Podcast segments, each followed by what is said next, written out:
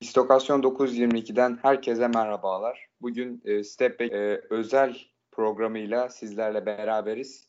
E, Step Back, e, Step Back e, ailesi olarak yeni 6 bölümlük bir programımız var. Programda NBA'in divisionlara göre takımların e, kabaca bir sezon değerlendirmesini elimizden geldiğince yapmaya çalışacağız. E, bugün e, Pasifik Pasifik grubun e, Pasifik grubunu konuşacağız. Yanında çok değerli iki konum var. Yunus Emre ve Sinan. E, hoş geldiniz beyler. Hoş bulduk. E, yani yayından önce de biraz takım muhabbeti yaptık. E, Yunus Emre San Antonio'lu. Sinan Phoenix'li. Bugün e, Phoenix hakkında da Sinan'la bayağı bir e, konuşmamız olacak diye düşünüyorum ben. Çok da e, uzatmadan bence başlayalım. Los Angeles Lakers'a evet. başlayalım. Ee, Lakers yani NBA şampiyonu oldu bildiğiniz gibi. Ee, heyecanlı bir e, rekabetli bir seri oldu Miami Heat'le beraber. Ee, Yunus Emre, kabaca e, Lakers'ın normal sezon artı playoff'unu bir değerlendirir misin? Sence nasıldı Lakers?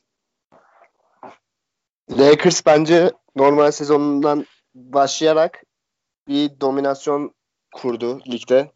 Herkese göre şampiyon olamayacağı konuşuluyordu. Ben de bu fikre katılanlardan birisiydim. O önünde daha büyük rakipler olduğu için hem doğudan batıda. Ama her şeye rağmen takım kimyasını çok iyi oluşturdular. Ee, LeBron liderliğinde de şampiyonluğu almayı bildiler. Yani e, LeBron liderliği kısmına ben kesinlikle katılıyorum. Yani orada bir Anthony Davis'in falan bir küçük kesim vardı en azından. Anthony Davis finaller MVP'si olmalıydı tarzı ama ben LeBron'un kesinlikle özellikle playofflarda e, yani hem sağ içi hem sağ dışı liderliği çok net eline aldığını düşünüyorum. E, aynı soruyu ben Sinan'a da yöneltmek istiyorum. Sence Lakers nasıldı? Yani şampiyon oldular tabii ki ama e, hem sağ içi oyun veya işte e, medyaya verdikleri demeçler, normal sezon dereceleri bunları böyle toplarsak nasıl bir Lakers sezonuydu? Ee, şimdi sezon başlamadan önce bu Lakers bu takımı kurduğunda herkes e, şey demişti. Yani böyle takıma nasıl şampiyon olacaksın? İşte LeBron ve Anthony Davis dışında kimse yok. Anthony Davis e, sakatlanmadan durabilecek mi? Onu da bilmiyorsun. Bütün geleceğini işte New Orleans Pelicans'a ipoteklemişsin. İşte Lakers ne yapıyor dendi. E, fakat sezonda sezon boyunca e, Yunus Emre'nin de dediği gibi muhteşem bir kimya e, gösterdiler. Özellikle LeBron'un ve Davis'in e, liderliği, Rondo'nun da liderliği var tabii. Onu da unutmamak lazım. E, onun dışında bütün sezon boyunca Lakers acayip iyi savunma yaptı. Zaten e, defansif rating olarak da NBA'de 3. sırada vardı. Ve bence insanlar bunu o kadar fark etmedi. Çünkü Lakers çok boğucu ve öldürücü bir savunma yaptı bütün sezon ve e, şampiyon olmalarındaki en büyük onlara yardımcı olan etkenlerden biri de buydu. E, onun dışında tabii çok önemli bir sezondu. Çok değerli bir sezon oldu. Kobe Bryant'ın vefatı üzerine e, sezonun anlamı daha da arttı Lakers için. E, sonu güzel gitti diyelim. E, daha da detaylı değerlendiririz zaten. Ya e, o Kobe olayına ben e, şimdi gelecektim. E, yani bildiğiniz gibi Kobe Bryant maalesef e, talihsiz bir kaza sonucu hayatını kaybetti. E, Kobe'nin vefatından sonraki gün oynanan maçı kaybetti ki bu yani Lakers taraftarını falan e, bayağı üzen bir olaydı. Çünkü hemen yani Kobe'nin vefatından hemen böyle ondan sonra hemen bir yenilgi alınması gerçekten herkesin moralini alt, üst etmişti. E, ama işte NBA pandemi nedeniyle koronavirüs nedeniyle durdurulmadan önce Lakers'ın bir ivme yakaladığı görüldü ve herkes e, de şey demeye başlamıştı. Kobe Bryant için bu şampiyonluk gelecek. LeBron Kobe için kazanacak tarzında. Bunu da yaptılar. Ee, Kobe umarız cennetten izlemiştir seriyi. Umarız e, aşağıya LeBron'a, Davis'e e, saygılar sunmuştur diyeyim. E, tebrik etmiştir. E, böyle bir duygusal şeye bağladık. E, bağladım yani şimdi. Yani Lakers çok da fazla konuşulacak bir şey yok bence. Çünkü yani adamlar final haricinde e, çok dominant bir playoff geçirdiler. E, Denver'a ikinci maçı kaybettiklerinde e, böyle bir sallantı mı geliyor? Denver yine mi yapacak dendi ama hemen o seriyi bitirdiler. Ondan önceki iki seride ilk maçları kaybettiler. Ee, çoğu basketbol otoritesi 8. sıradan giren Portland'ın onları eleyeceğini düşünüyordu e, ilk turda ama Lakers çok dominant, çok e, yoğun bir performans sergileyerek rakiplerini rahat geçti ve e, son yıllarda özellikle LeBron'un takımlarında, e, LeBron'un olduğu bir takımın en dominant performansıydı bence. E, serilerin bitiş durumu da olarak. Buna ne diyorsunuz? Sinan'la başlayayım ben. Playoff'lar özelinde özellikle. Ya şimdi LeBron ve Rondo'nun olduğu bir takımı e, bir playoff serisine yenmek çok zor bence. E, çünkü ikisinin de basketbol IQ'su e, belki de en yüksek iki oyuncu şu an NBA'deki. Yani Chris Paul falan da girer buna büyük ihtimalle. E, o yüzden bir seride e, Lakers'ı çözmek e, çok zor. Yani Lakers'ın seni çözmesi senin Lakers çözmenden daha e, zor. E, buna avantajını kullandılar tabii. E, onun dışında herkes sağlıklı kaldı Lakers cephesinde. Bu da çok önemliydi.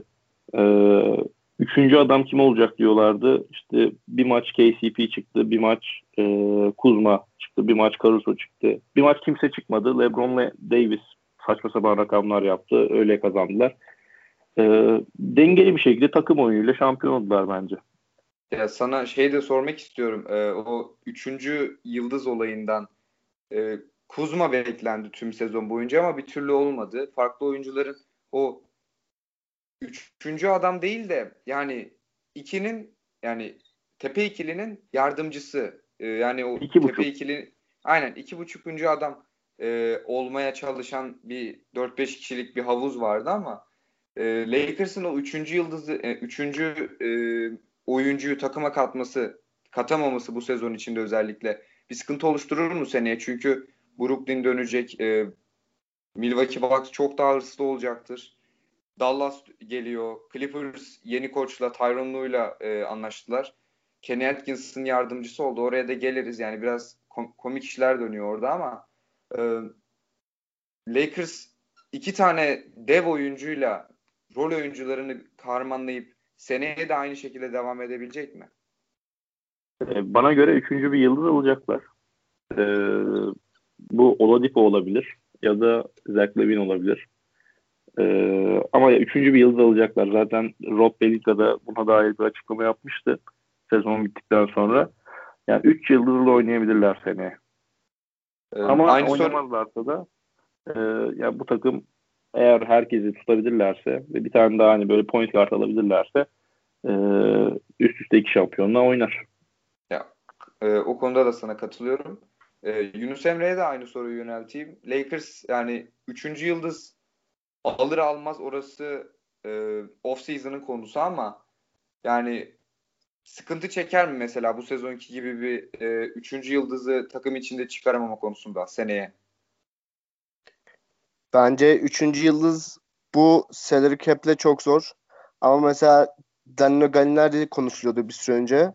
Ee, Danilo Gallinari üçüncü yıldızdan konu üçüncü yıldız diye, diye nitelendirebilirsek o sayılabilir. Ama o demecinde şöyle demiş e, belli bir yaşa geldim. Bu yaştan sonra yüzük paradan kesinlikle daha önemli. Ben bu görüşe kesinlikle katılıyorum. Çünkü e, kariyerini bıraktığı zaman yüzüklü olarak anılmak çok önemli bir şey. Yani büyük ihtimalle. E, o yüzden bence alırlar. Ya Danilo Gallinari tarzı oyuncuların ben Lakers e, bünyesinde net bir şekilde üçüncü yıldız olacağını düşünüyorum. Keza e, Sinan'ın da dediği gibi Zach Lavin falan inanılmaz olur bence. E, çünkü Zach Lavin Chicago'da e, Jim Boyle'un her ne kadar takımı geriye çekme çabaları e, hat safhada olsa da Zach Lavin tek başına neredeyse hem top yönlendirici hem oyun kurucu hem e, skorer oyuncu olarak e, takımda bulunmaya çalıştı. Yani var oldu hatta diyebiliriz ama Lakers'a geldiğinde mesela e, yani LeBron'un bir numara, Rondo'nun bir numara oynadığı yapılarda tamamen skora odaklanarak çok keskin bir e, üçüncü oyuncu, üçüncü skorere dönüşebilir ki e, Oladipo da keza böyle. E, Indiana'daki bu sezon değil, ondan önceki sezonda 2018-19 sezonunda yani Boston'a 4-0 elendikleri seride falan her şeyi yapmak durumundaydı ki yani bu tarz oyuncuların LeBron'la beraber saf skorere dönüşmesi onların ve bulundukları takımın da üst seviyeye çıkacağı e, göstergesidir bence. E, Lakers bence yani 10 dakikayı doldurduk. Bence bu kadardı yani net şekilde şampiyon oldular. Normal sezonun lideriydiler. E, yani Bubble'la beraber. Çok başarılı bir sezon. Zaten her şampiyonluk başarılıdır. E, isterseniz Clippers'a geçelim. Orada bayağı bir olay döndü. E, Clippers konferans ikincisi bitirdi ama yani playoff'ların ikinci turunda 3-1'den seri verdi ve Doug Rivers görevden alındı. E, Tyron Lue önderliğinde nasıl bir yıl geçirecekler? E, Sinan'la başlayayım. Ya şimdi Tyron Lue'yu LeBron'la çalışırken biliyoruz. Bir de LeBron sonrası dönemini biliyoruz. LeBron sonrası döneminde galiba bir galibiyet, 12 mağlubiyet falan almıştı Cleveland'da. Sonra kovulmuştu. Ee, Kawhi LeBron gibi bir lider değil. Ee, Paul George da onun gibi değil. Ee, Tyron Lue'nun bu takıma bir yani ya Kawhi biraz değişik bir liderlik tarzı e, göstermesini isteyecekler ya da başka bir şekilde e, bu takımı beraber üçü beraber e, yönetmeye çalışacaklar. E, ama yani bu sezonda kazanamazlarsa yüzüğü hmm, Kawhi Leonard'la Paul George büyük ihtimalle kontratlarından çıkacaklardır ve e, serbest oyuncu olacaklardır 2020-2022 sezonunda. E, Clippers'ın da geleceği ipotekli biliyorsunuz şeye Oklahoma Thunder'a. E, yani bu sene ya yüzük ya hiç diye görüyorum ben onların sezonunu. Ya sana kesinlikle katılıyorum. Ee, yani bu takas olduğunda yani Twitter'dan gelen bir bildirimle kişisel olarak en azından şok olmuştum. Ve Clippers'ın yani şampiyonluğu alarak verdiği tüm draft haklarını telafi edeceği düşüncesiydi, düşüncesindeydim. Ama bu seneki özellikle Paul George'un playoff performansı çok büyük soru işaretleri oluşturdu bende. Takım içinde de bir Patrick Beverly dışında bir böyle takımı toplayan, kimyayı yükseltmeye çalışan, basketbol oynarken eğlenerek asıl amacı ortaya koymaya çalışan pek bir oyuncu yoktu yani. Pek hani bench'e bakıyorduk. Herkes somurtuyor. Bir heves, bir eğlenme, bir zevk yoktu takımda ki bu oyuna da skora da sonuca da yansıdı. Ve e, çok iyi takım olan Denver'a eğlendiler 3-1. E, buradan pası Yunus Emre'ye şöyle şekilde atayım. E, yani kişisel olarak e, Step Back'te Furkan'la beraber de program yaparken Denver'ın 3-1 geriye düşmesinden sonra ben Clippers'ın kesin olarak turu geçtiğini düşünüyordum. Ki onlar da yani haklı olarak e, o kafaya girmişlerdi. Sence bu 3-1 yani Clippers'ın yani bir seri kaybetmelerine rağmen, e, rağmen bu 3-1'lik seri Clippers'ın önümüzdeki sezonları ne kadar etkiler? 3 birlik seri ne kadar etkiler? Ee, bence bu 3 birlik yani o 3 birliğe geldikten sonra maç vermeleri önümüzdeki seneler için özellikle Kawhi için büyük kamç olacağını düşünüyorum. Çünkü buraya gelirken büyük ihtimalle ikiniz de hatırlıyorsunuzdur. Neyban'ın son için bir reklam çıkmıştı. This is his city diye. Hatta e, arabanın kontağını çalıştırırken e, anahtarlıkta taç falan bile vardı. Yani açıkça Lebron'a bir gönderme yapıyordu orada. Bu artık Kawhi şehri diye. Ama ne yazık ki şampiyonluğu alamadılar. Ee, bunun için e, bu sebepten ötürü bir dahaki senelerde daha doğrusu bir dahaki önümüzdeki sene Kawhi için büyük kamçı olacağını düşünüyorum ama bir yandan baktığımız zaman da e, Tyron Lue birkaç gün önce açıklama yaptı. E, önümüzdeki seneler buradalar diye. Ben açıklamaya neden katılmıyorum? Sizin gibi düşündüğüm için katılmıyorum. Yani e, şampiyonluk alamazlarsa bence o ikisi gidecektir takımdan. E, hatta şimdiden bile dedikodular başlamış. Kavay şey düşünüyor gibi dedikodular başlamış. O yüzden bence önümüzdeki sene büyük bir adaylar.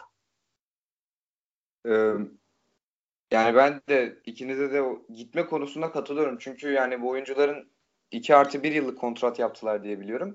Alt metinde de evet. e, ünlü NBA analiz analisti e, Adrian Wojnarowski yani kişisel görüşünü beyan etmişti ama görüşte şey yazıyordu işte iki yıllık süreç içinde en azından bir final görmediği sürece bu ikilinin takımda kalacağı zor gözüküyor diye. İlk sezon facia. E, takım beklenti bareminde facia diye nitelendirebiliriz. Önümüzdeki sezonda yani takım içinde biraz e, sular kaynıyor. bakalım zaman gösterecek. Ee, yani Clippers'a biraz hızlı geçtik bence ama çok iyi özetlediğimizi düşünüyorum ben. Ee, ideal bir normal sezon, bubble performansı. Playoff'larda ilk tur e, Luka Magic'in o top 10 seviyesine çıktığı performanslara rağmen 4-2 geçtiler. Ama Denver Nuggets'ı 3-1'den seri vererek bence hepsi silindi. E, hiçbir pozitif yön kalmadı. E, bakacağız yani dediğim gibi off-season Clippers için çok hareketli geçecektir. Zaten Tyron Lue ve Kenny Atkinson hamleleriyle e, coaching staff'te önemli değişik, değişikliğe gittiler. Bakalım kadro yapılanması nasıl olacak? Ee, Belki Porzingis olsa Dallas eleyebilirdi ya bence. Yani, yani ke- orada kesinlikle sana katılıyorum. Yani Doncic'in böyle 35 sayı, 15 asist, 19 e, 35 sayı, 15 rebound, 19 asistlik e, NBA 2K performansı vardı hatırlarsanız. Tek başına yani çıktı, buzzer attı, 2-2 yaptı falan böyle. Ben kesinlikle orada Sinan'a katılıyorum yani. Porzingis olsaydı vesaire ama yani Doncic sakat mıydı bir? Sakat sakat oynadı bir de. Yani bileğinden Clippers, sakatlığı var. Yani üçüncü maçta diyebiliyorum onu ama yani yine de orada mesela Doncic'in doğuşuna tanık, tanıklık etmemiz gerçekten e, güzel bir andı bence. Şimdi Phoenix'e geçelim. Phoenix kişisel olarak e, Sinan senle başlayacağız ama kişisel olarak benim Bubble'da maçlarını en fazla e, beğenerek seyrettiğim takımdı. Gerçekten yani oturup yani ben Brooklyn Nets taraftarıyım bunu söyleyeyim şimdiden. Yani Brooklyn'in maçını izlemektense normal sezon üzerinde Phoenix'in maçını izlemek çok daha cazip geliyordu bana. Sen e, Phoenix Phoenix'in mükemmel bubble derecesini e, yorumlar mısın bizim için? Taraftar gözüyle biraz da. Şimdi, şimdi taraftar gözüyle yorumlayayım biraz. Ee, geleceğe çok güzel, e, gelecek için çok güzel sinyaller verdi bubble performansı. Ee, özellikle ya zaten bu sezon başında hatırlarsınız DeAndre Ayton bir 20 maçlık bir ceza yemişti. Ee, doping doping kullandığı için galiba. Ee, belki o ceza olmasa e, Bubble'daki o performansı gerek bile kalmayacaktı. Zaten playoff'ta yer alabileceklerdi belki de. Ee, ama bu takımın kumaşının iyi olduğunu e, bu Bubble sayesinde gördük. Devin Booker e, gerektiği zaman savunma yapabileceğini gösterdi. DeAndre Ayton biraz ben savunma öğreniyorum mesajı verdi. E, maaş tablosuna baktığımızda Kelly Oubre'nin muhteşem bir kontratı var. 15 milyon dolar civarında. E, çok güzel 2-3 eklemeyle bu takım e, seneye çok rahatlatıda playoff yapabilir. Ve hani ilk turu geçebilir. Onun haricinde e, İnşallah Devin Booker'ı takaslamazlar. Çünkü öyle dedikodular da dolaşıyordu e, geçen haftada. E, Ki bence falan. saçma bunlar. Evet tabii çok saçma. E, Minnesota'ya belki takaslanabilir diye bir dedikodular dolaşıyordu ama e, olmayacağını düşünüyorum. Yani olursa çok büyük bir hata yapmış olurlar. E, gelecek parlak. Yani gelecek güneşli diyelim. Küçük bir gönderme yapalım o, e, takımın ismine. Yani sana kesinlikle katılıyorum ama yani son yıllarda Phoenix biraz ligin dibine batmış takımlarından biriydi. Hani her iyi maçtan sonra işte e, güneş yükseliyor tarzı açıklamalar, e, manşetler görüyorduk ama bu sezon gösterdiler ki güneş e, yeniden doğmuyor. Güneş doğdu ve son sonraki basamağa geçmenin eşiğindeler. Aaron Baines'i falan konuşalım yani. DeAndre Ayton dedin savunma yapmayı öğreniyorum dedi. Aaron Baines'in çok büyük payı olduğunu düşünüyorum ben. Ee, onun dışında Ricky Rubio geldiğinde yani Ricky Rubio kişisel olarak benim NBA'de yani NBA izlememe öncülük eden bir 5-10 oyuncu varsa ondan, onlardan biridir. Ee, inanılmaz asistleriyle beraber. Hani Ricky Rubio gibi bir generalin önceki yıllarda olmaması takımı e, çok kötü etkiledi. Bunu biliyoruz. Yani takımın takım oyun kurucu pozisyonunu ilerleyen 3, 3 ila 5 yıl içinde Ricky Rubio'ya emanet edebilir mi sence? Sinan. Eğer sağlıklı kaldığı sürece Rubio emanet edebilirler. Ama e, sezon içinde de gördük, Bubble'da da gördük. E, sakatlanabilen bir oyuncu. E, iyi bir e, bench'ten gelecek bir point guard. Bu takıma ilaç gibi gelir. E, Aaron Baines'i dediğin gibi tekrardan imzalamaları gerekiyor bu sezon. Ee, yoksa Boston falan havada kapabilir Aaron Baines'i. Çünkü onların da pivota ihtiyacı var. Ee, onun dışında çok yani izlemesi gerçekten çok zevkli bir takım. Yani çünkü Devin Booker'ın özellikle yarı sahadaki hücum e, yeteneği diyelim. Aiton'un gerçekten hani neden bir numaralı e, işte bir numaradan seçilmiş olduğunu göstermesi e, bu özellikle Bubble'da. Ya çok heyecanlıyım ben bu takım hakkında ya. Yani ben de senin e, heyecan düşüncene katılıyorum. E, Yunus Emre'ye pası şöyle atayım. E, Devin Booker'ın elit oyuncuya dönüştüğünü zaten bu Bubble'da çok net şekilde gördük. Sence Devin Booker takımı seneye e, yani bu eşikte tutabilir mi veya playoff'un içine atabilir mi? Playoff için konuşabilirsek bence playoff yani sezonun başlamasını bilmemiz gerekiyor. Yani görmemiz gerekiyor. Off season'da nasıl hamleler yapılacak onu da bilmemiz gerekiyor. Ama bence hiç, yani Phoenix bir takım için playoff başarıdır ama başarı genel olarak bence daha şey bir kavram yani daha yukarı, yukarıda olması gereken bir kavram. Playoff yaptı diye bir takım çok başarılı sayılır mı sorusu bana çok başarılı olmaz gibi geliyor. Ee, Devon Booker daha önce dedikodular vardı zannedersem orada mutlu değil diye. O dedikodular umarım yanlıştır çünkü e, ben de sana katılıyorum. Devon Booker Phoenix'te kalmalı. Belki oranın geleceğini güzel bir şekilde inşa ederler. E, birkaç yıl sonra belki yanına iyi bir süperstar çekerse bu sefer gerçekten gerçek bir contender'a dönüşebilir ama önümüzdeki seneler için playoff yeterli bir e, seviye olacağını düşünüyorum Phoenix Suns için. Yani ben benim de kişisel görüşüm yani bunun üzerine de biraz konuşalım istiyorum ben. Ben kişisel olarak kumaş olarak Devin Booker'ın yani doğru hamleler yaparsa organizasyon James Jones önderliğinde çok doğru işlere e, e, e, ilerlediler Phoenix Suns yönetimi. Ben Devin Booker'ın Phoenix Suns tarihin en büyük oyuncusu olabileceği düşüncesindeyim. Charles, Bark Charles Barkley, Steve Nash, Emir Stoudemire e, ve bir sürü oyuncunun önünde yer alabileceğini düşünüyorum ben kariyeri sonlandığında. Ama yine yönetimde bitiyor. Phoenix yönetimini biraz konuşalım. E, bu yıl mesela geçen seneye göre çok çok ciddi bir sıçrayış yaptılar.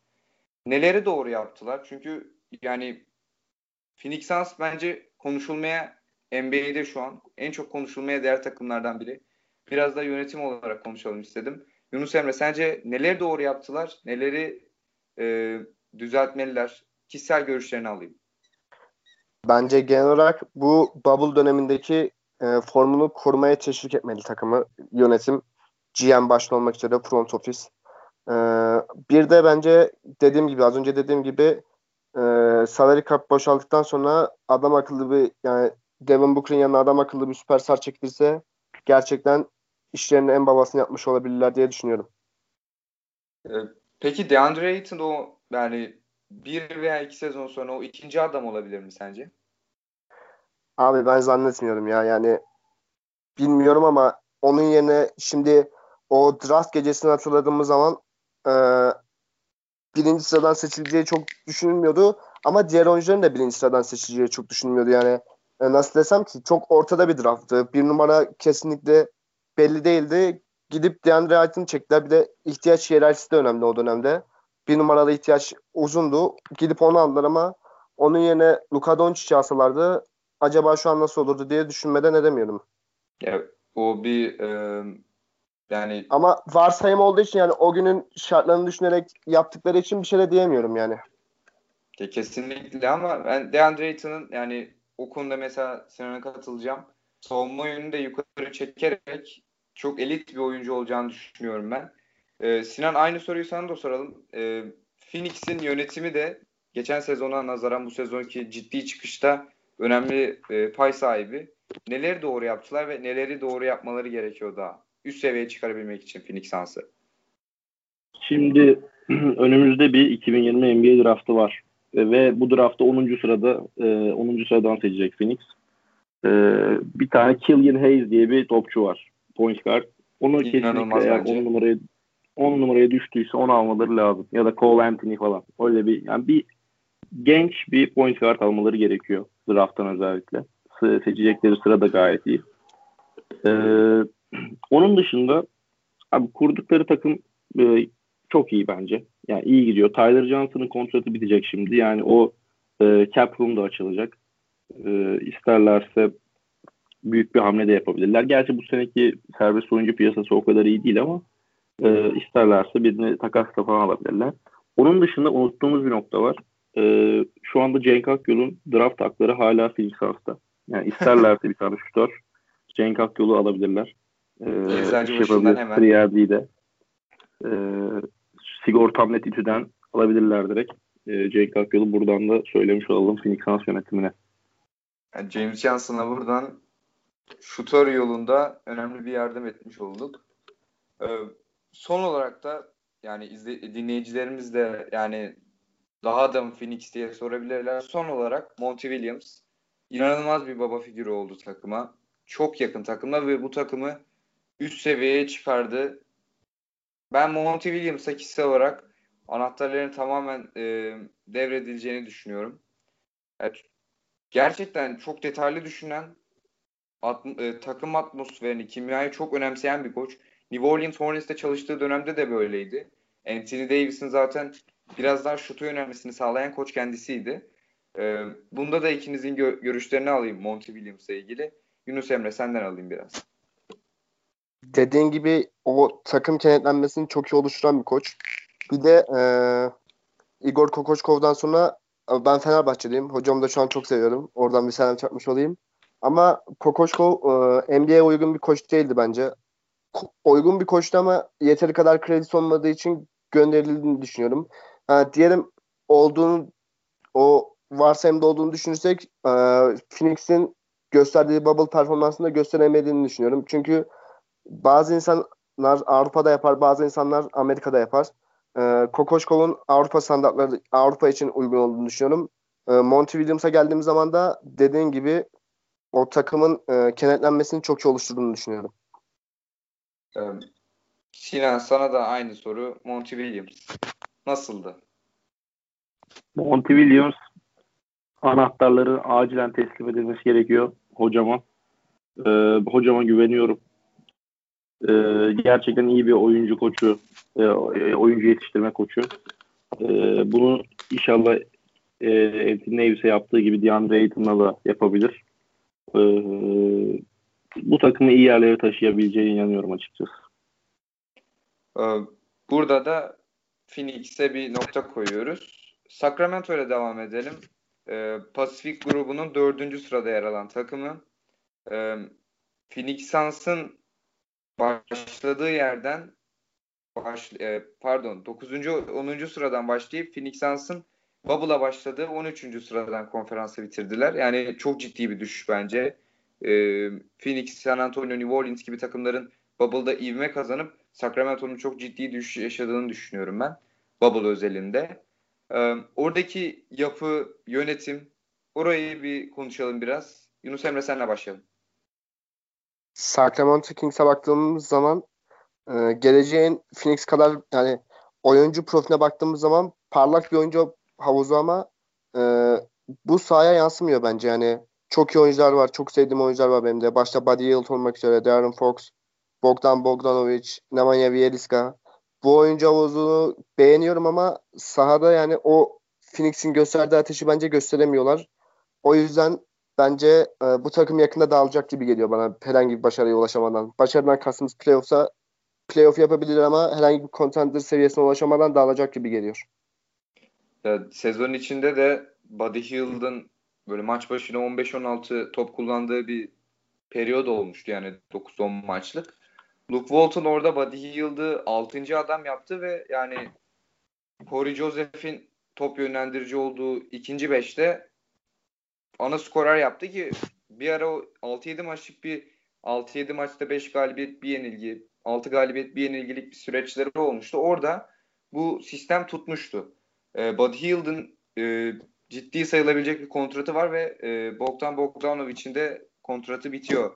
E, NBA'in en pahalı çaylak kontratı zamanının 2017'nin e, yani en pahalı çaylak kontratı bitti. 3 yıllık kontrattı.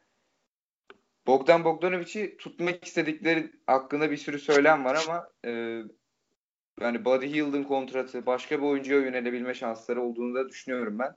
Sinan'a pası şöyle atayım. Yani Sacramento Bogdan Bogdanovic için sence e, seferber olmalı mı yoksa yani orada Buddy Hield var. Başka bir e, geliştirmeye gidilmeli mi takım içinde?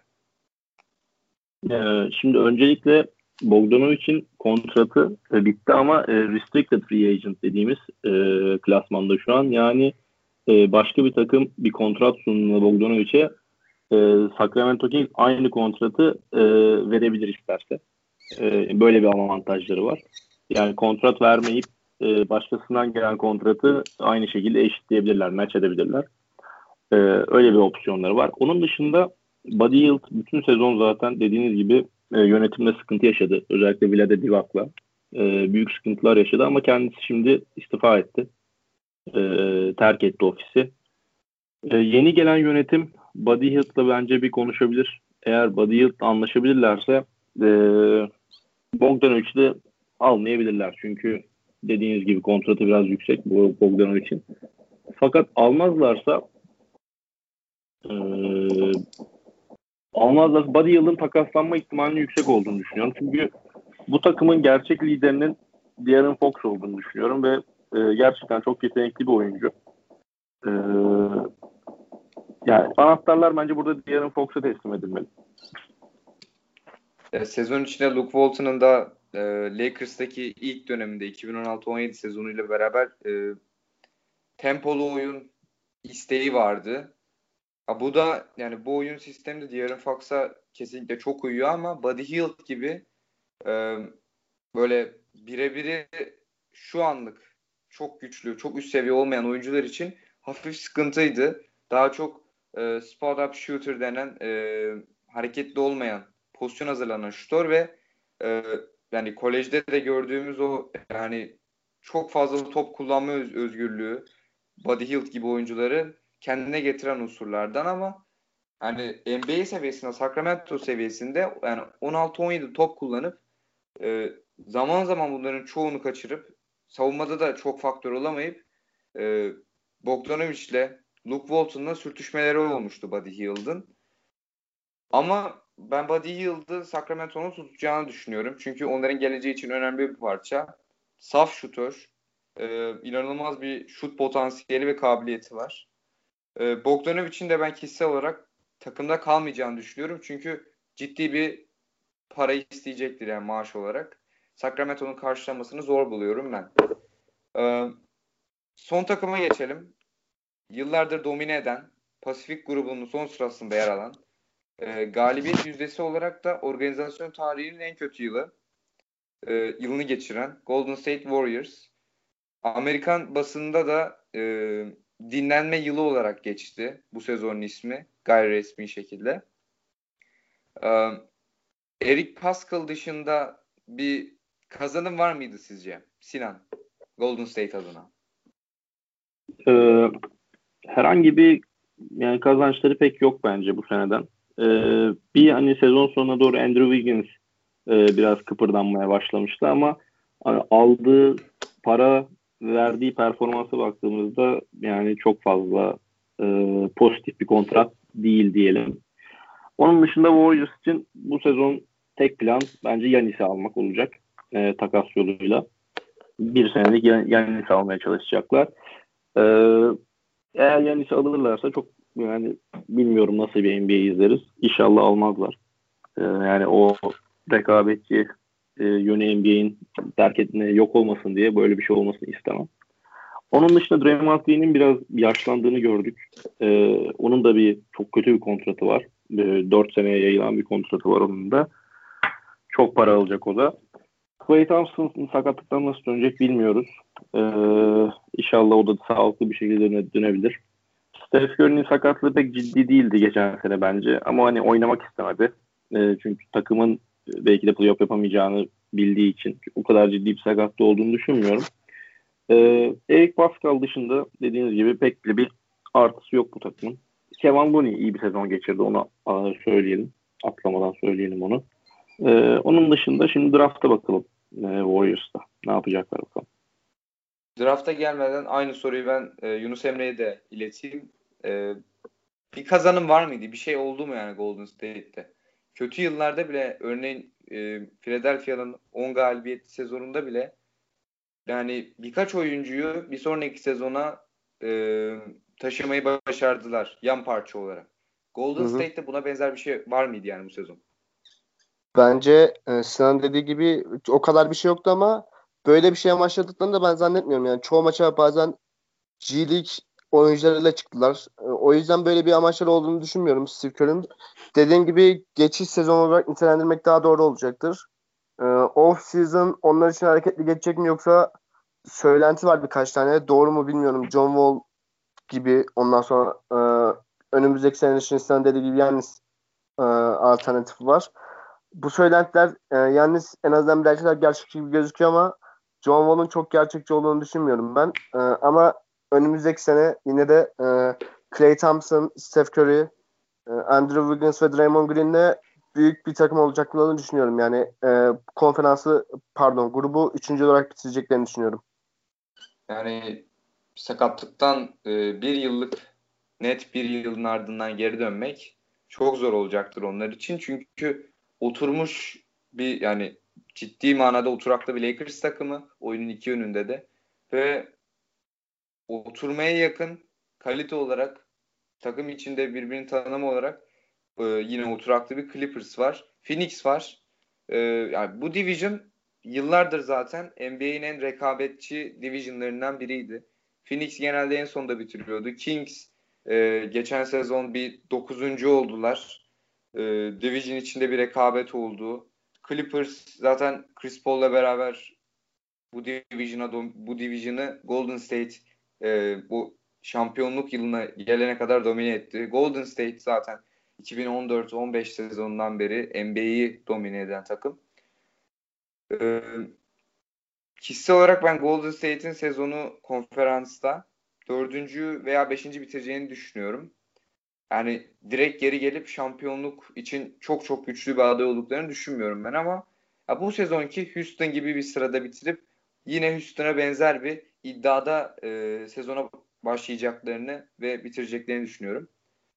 E, kabaca Division'ı yorumladık diye düşünüyorum ben. Şimdi yayından önce konuştuğumuz bir olay vardı. Hatırlar mısınız bilmiyorum. E, Division'ın 5'ini yapalım diye. Her yani hepimiz biraz hazırlıksız olduk ama Division'ın e, pozisyon bazlı olarak da en iyi 5'ini çıkarmaya çalışalım. E, Sinan senle başlayayım. E, LeBron'a point kart mı sayıyoruz? 3 numara mı sayıyoruz? Yani 3 numara sayalım çünkü çok domine edecek diye düşünüyorum ben bir numarayı. Ee, numaraya kim olacak? Curry'i koyamayız. Oynamadı bu sene. Ee, ben bir numaraya playoff performansından dolayı belki çok tepki çekebilir. Ama Rajan Rondo'yu koymak istiyorum. Özellikle ee, final serisinde çok iyiydi. Ben de katılıyorum sana onda. Evet. İki numaraya Devin Booker'ı koyarım. Üç LeBron. Ee, dört numaraya Kawhi Leonard'ı koyarım. Ya da 3'e Kawhi'yi koyarım. 4'ü LeBron'u koyarım. 5'e de Anthony Davis'i koyarım. Ee, Yunus Emre sen de. Bir numaraya ben Steph Curry'yi koyuyorum her ne kadar oynamasa da. Ee, iki numara Booker. Ee, üç Kawhi. Dört LeBron. Beş AD diye düşünüyorum. Çünkü AD ne kadar pivot oynamayı sevmese de başka pivot çok yok herhalde bu grupta. Ee, ben de yapayım kendi beşimi. Bunu ben bayağıdır yani playofflardan beri ben kişisel olarak divisionlara böyle hangi oyuncu hangi divisionda böyle bir bakındığım zaman aklıma hep bu beşleri yapmak gelirdi. Ben yani bir numara konusu ciddi sıkıntılı. O yüzden biraz yani zorlam zorlamak istedim hepimizi. Ee, Rondo olabilir Sinan'ın dediği gibi ama yani ben Devin Booker'ı kaydırmayı düşünüyorum. Çünkü son maçlarda özellikle yani Rubio'nun falan süreleri biraz kısıtlandığında mecbur olarak yani kesinlikle performanstan değil. Devin Booker'ın bir numara oynadığını gördük ve ona doğru da evriliyor bence. Combo guard olması zaten bekleniyordu ve oldu diyebiliriz artık. Yani ben bire Devin Booker'ı ikiye Kawhi Leonard biraz uzun bir beş yapacağım. Kawhi Leonard zaten kariyerine de iki numara olarak başlamıştı. Üçe LeBron 4'e Anthony Davis. 5 numaraya da Bubble'daki performansıyla DeAndre Ayton'u koyarım. Ee, benim beşim böyleydi. Biraz beşlerimizi de yorumlayalım ve programı kapatalım. Ee, Sinan senin beşine başlayalım. Bir numaraya Rondo'yu koydun. Ee, biraz da dar olmasından dolayı point guard havuzunun division'da. Ee, Rondo mesela bu beşe hayali bir beş bu. Neler katabilirdi? Bir sürü yıldız olmasına rağmen bir net etkisi olur muydu? Ee, çok güzel yönetirdi bütün takımı. E, LeBron'la birlikte. Ee, playoff'larda oynadığımızı düşünürsek üçlükte sokabiliyor. Playoff'larda oynayan bir Rondo. Ee, o yüzden şutu konusunda bir sıkıntı da yaşamayız. Ee, egosu yüksek bir oyuncu değil. Gerektiğinde kenara da çekilir. Ee, rahat rahat oynatır takımı. O yüzden Rondo iyi bir tercih oldu benim gözümde. Ee, Yunus Emre senin beşinde de e, Curry'i gördük. Yani biraz isim olarak tercih oldu ama e, yani herhangi bir oyuncu kaydırmayı düşünsen kim olurdu bir numara mevkisine? Yani LeBron'u biraz dışarıda tutmak istedim çünkü e, hepimizin beşinde aynı e, düzen olacağını düşündüğüm için biraz farklılık Hı-hı. getirmek istedim. E, kimi kaydırabilirdi mesela Curry olmasaydı? Curry olmasaydı düşüneyim birazcık. Ee, sanırım ben de Rondo'yu düşünebilirdim oraya ama e, oyun kurucu olarak gerçekten çok kısır bir grup bence. Yani ben zaman zaman Lou Williams'ı da düşündüm. Yani bir 5-10 saniye düşünme aralığında işte. Ama yani Lou Williams bu sezon biraz zorunluluktan point guard oynadığı oldu ama yani bir numara. Efektif değil yani çünkü kafasında kendi skorunu hep var yani bir oyuncu ve o pozisyonda Hı. ben faydalı olacağını düşünmüyordum. Devin Booker'ın da e, combo guard'a evrilerek bir numaraya koyulabileceğini düşündüm ben. E, beşlerimiz de bu şekildeydi.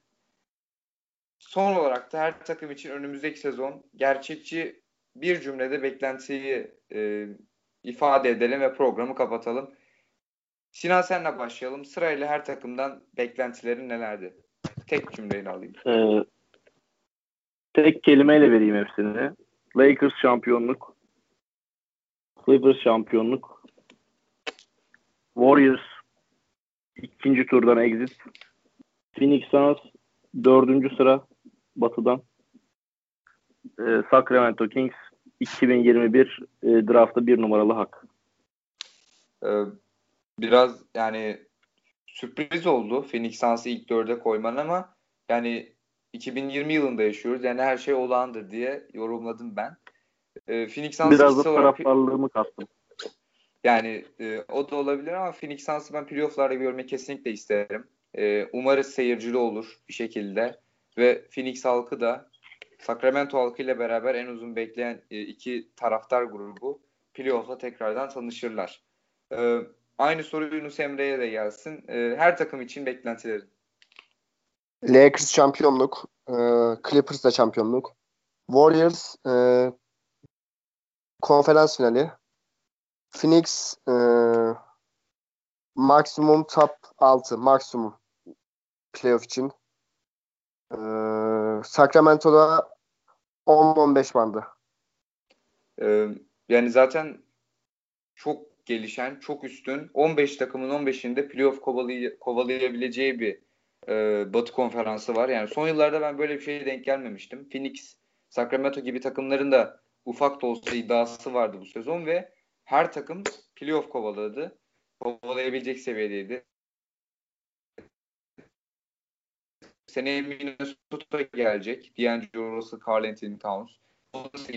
Sacramento, özür diliyorum. San Antonio'da e, Yunus Emre biraz daha hakimdir bizden ama San Antonio'da e, ne olursa olsun hep playoff'un en önemli adaylarındandır. E, ilginç bir Golden State'in ve Minnesota'nın da gelişiyle ilginç bir playoff yarışı izleyeceğimizi düşünüyorum ben. Kendi beklentilerim olarak Lakers şampiyonluk, Clippers şampiyonluğu zaten.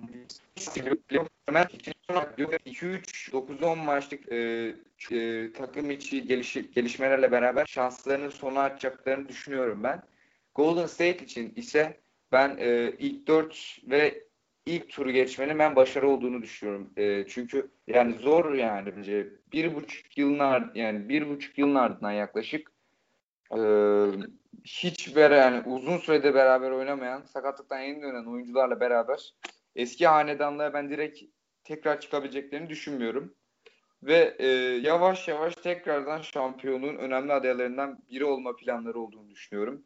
Bob Myers ve Steve Kerr de buna uygun kararlar alacaklardır. E, dinleyicilerimize teşekkür ediyoruz. Distokasyon 922'nin Step Back programından e, bu Division'ları değerlendirdiğimiz programın ilk bölümünden e, herkese selamlar, sevgiler. E, beyler ağzınıza sağlık. Çok teşekkür ederim yorumlarınız için. Güzel bir oyun oldu bence. Özellikle son kısmı.